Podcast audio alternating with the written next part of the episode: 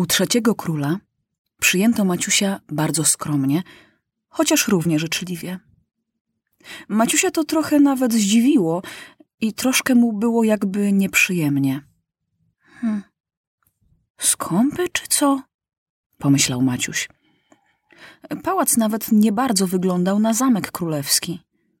Prawie się nie różnił od ładniejszych domów miasta. Jeden lokaj miał nawet trochę przybrudzone rękawiczki, a na obrusie była mała wprawdzie, ale jednak dziurka, zręcznie zszyta jedwabiem. Zdziwił się Maciuś tem więcej, gdy go ten król zaprowadził do swojego skarbca. Tyle było w skarbcu złota, srebra i drogich kamieni, że Maciuś aż oczy zmrużył. Wasza królewska mość strasznie jest bogaty. O nie, powiedział król. Gdybym to chciał rozdać między wszystkich obywateli mego państwa, na każdego przypadłby jeden zaledwie pieniążek. I tak to jakoś przyjemnie powiedział, że Maciusiowi aż serce drgnęło. Ten król był najmłodszy ze wszystkich trzech, ale jakiś smutny.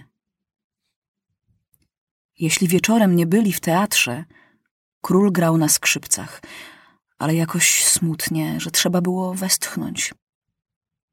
Jacy rozmaici są królowie, pomyślał Maciuś i powiedział. Podobno wasza królewska mość ma ogromny dom, ale to bardzo, bardzo wielki. Ach tak. Nie pokazywałem go waszej królewskiej mości, bo to gmach parlamentu. Ponieważ w waszym państwie nie ma ludowładztwa, sądziłem, że nie będzie ciekawie.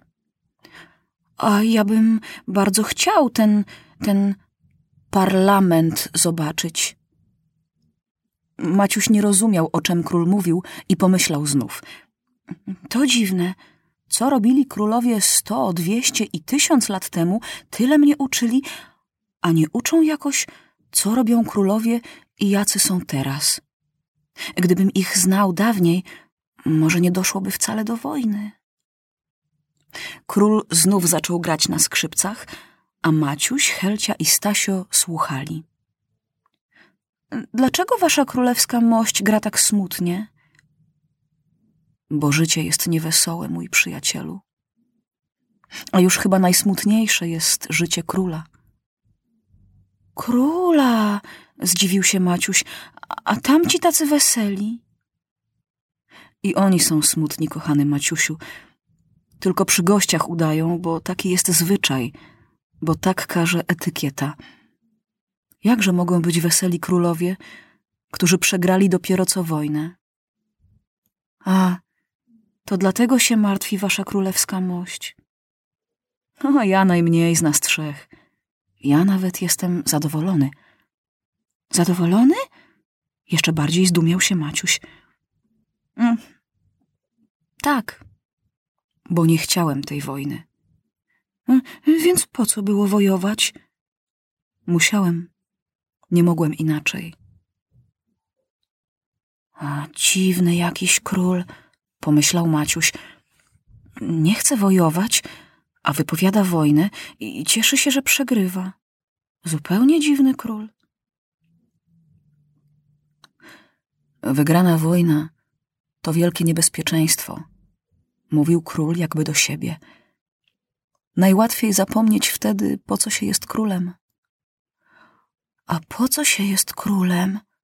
Naiwnie zapytał się Maciuś. Przecież nie po to, żeby nosić koronę, a żeby dać szczęście ludności swojego państwa. A jak dać szczęście? Wprowadza się różne reformy. Oho, to ciekawe, pomyślał Maciuś. A reformy to najtrudniejsze. Tak, to najtrudniejsze.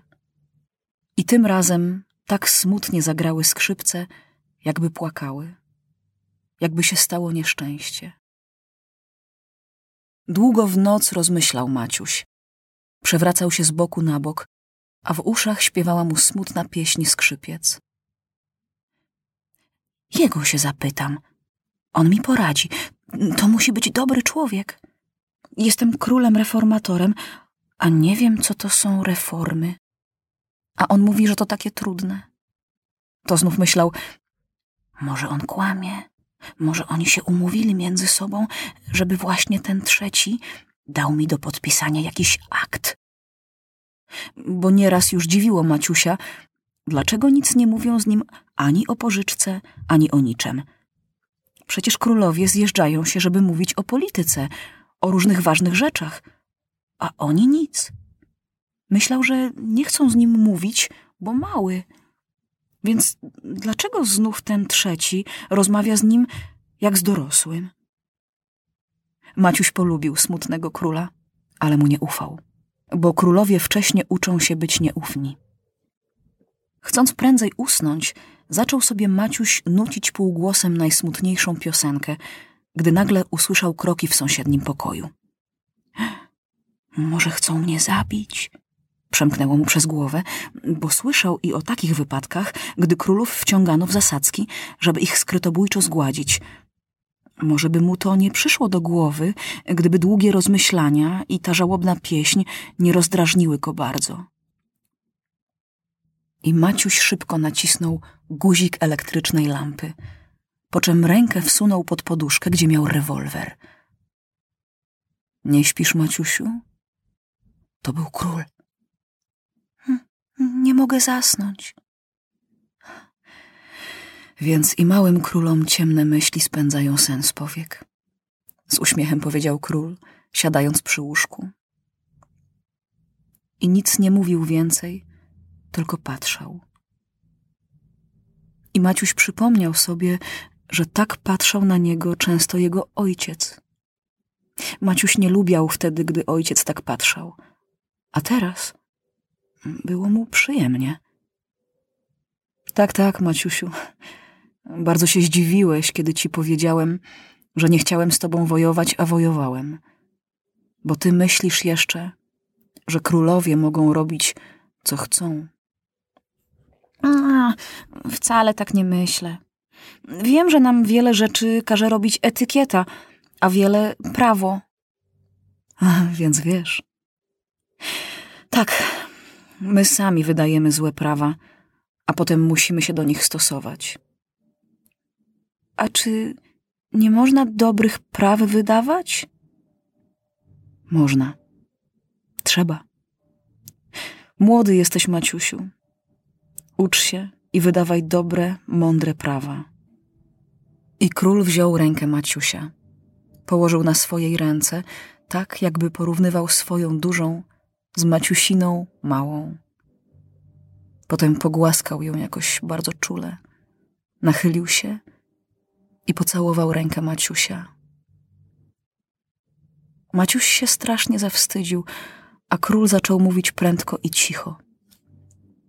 Słuchaj, Maciusiu. Mój dziadek dał ludowi wolność, ale nie było dobrze. Jego zamordowali, a lud dalej nie był szczęśliwy. Mój ojciec wzniósł wielki pomnik wolności. Zobaczysz go jutro. Jest ładny, ale cóż z tego, kiedy dalej są wojny, są biedni, są nieszczęśliwi. Ja zbudować kazałem ten wielki gmach parlamentu. I cóż, nic. Dalej jest to samo. Nagle jakby sobie coś przypomniał. Wiesz, Maciuś, zawsze my źle robili, że dawaliśmy reformy dorosłym. Spróbuj ty od dzieci. Może ci się uda. No, śpij, drogie dziecko. Przyjechałeś, żeby się zabawić, a ja ci głowę zawracam po nocy. Dobranoc. Kiedy nazajutrz Maciuś pragnął wrócić do tej rozmowy, król nie chciał już mówić. Za to objaśnił mu dokładnie znaczenie parlamentu. Był to naprawdę ogromny i piękny dom. We środku podobny trochę do teatru, a trochę do kościoła. Na podwyższeniu siedzieli panowie przed stołem, tak jak w jego pałacu podczas narady. Tylko tu jeszcze było strasznie dużo foteli. I tam siedzieli różni panowie, i z nich wychodzili mówcy i wchodzili jakby na ambonę. Mm, I tak mówili jakby kazanie. A naokoło były loże.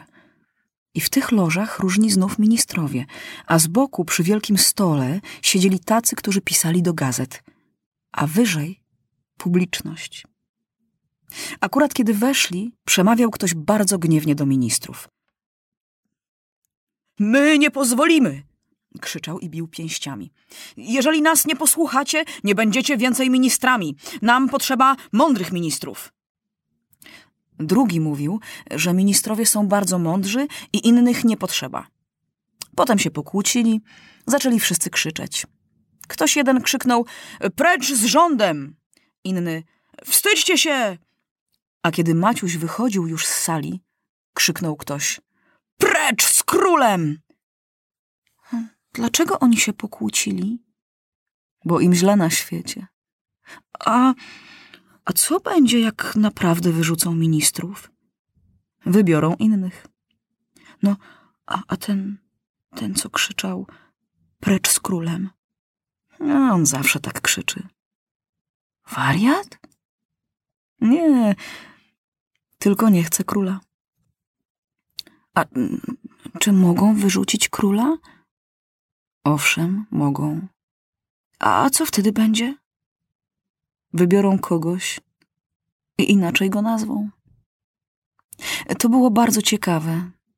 Prawie tak, jak dwie małpki od kacyka murzyńskiego Wejbina.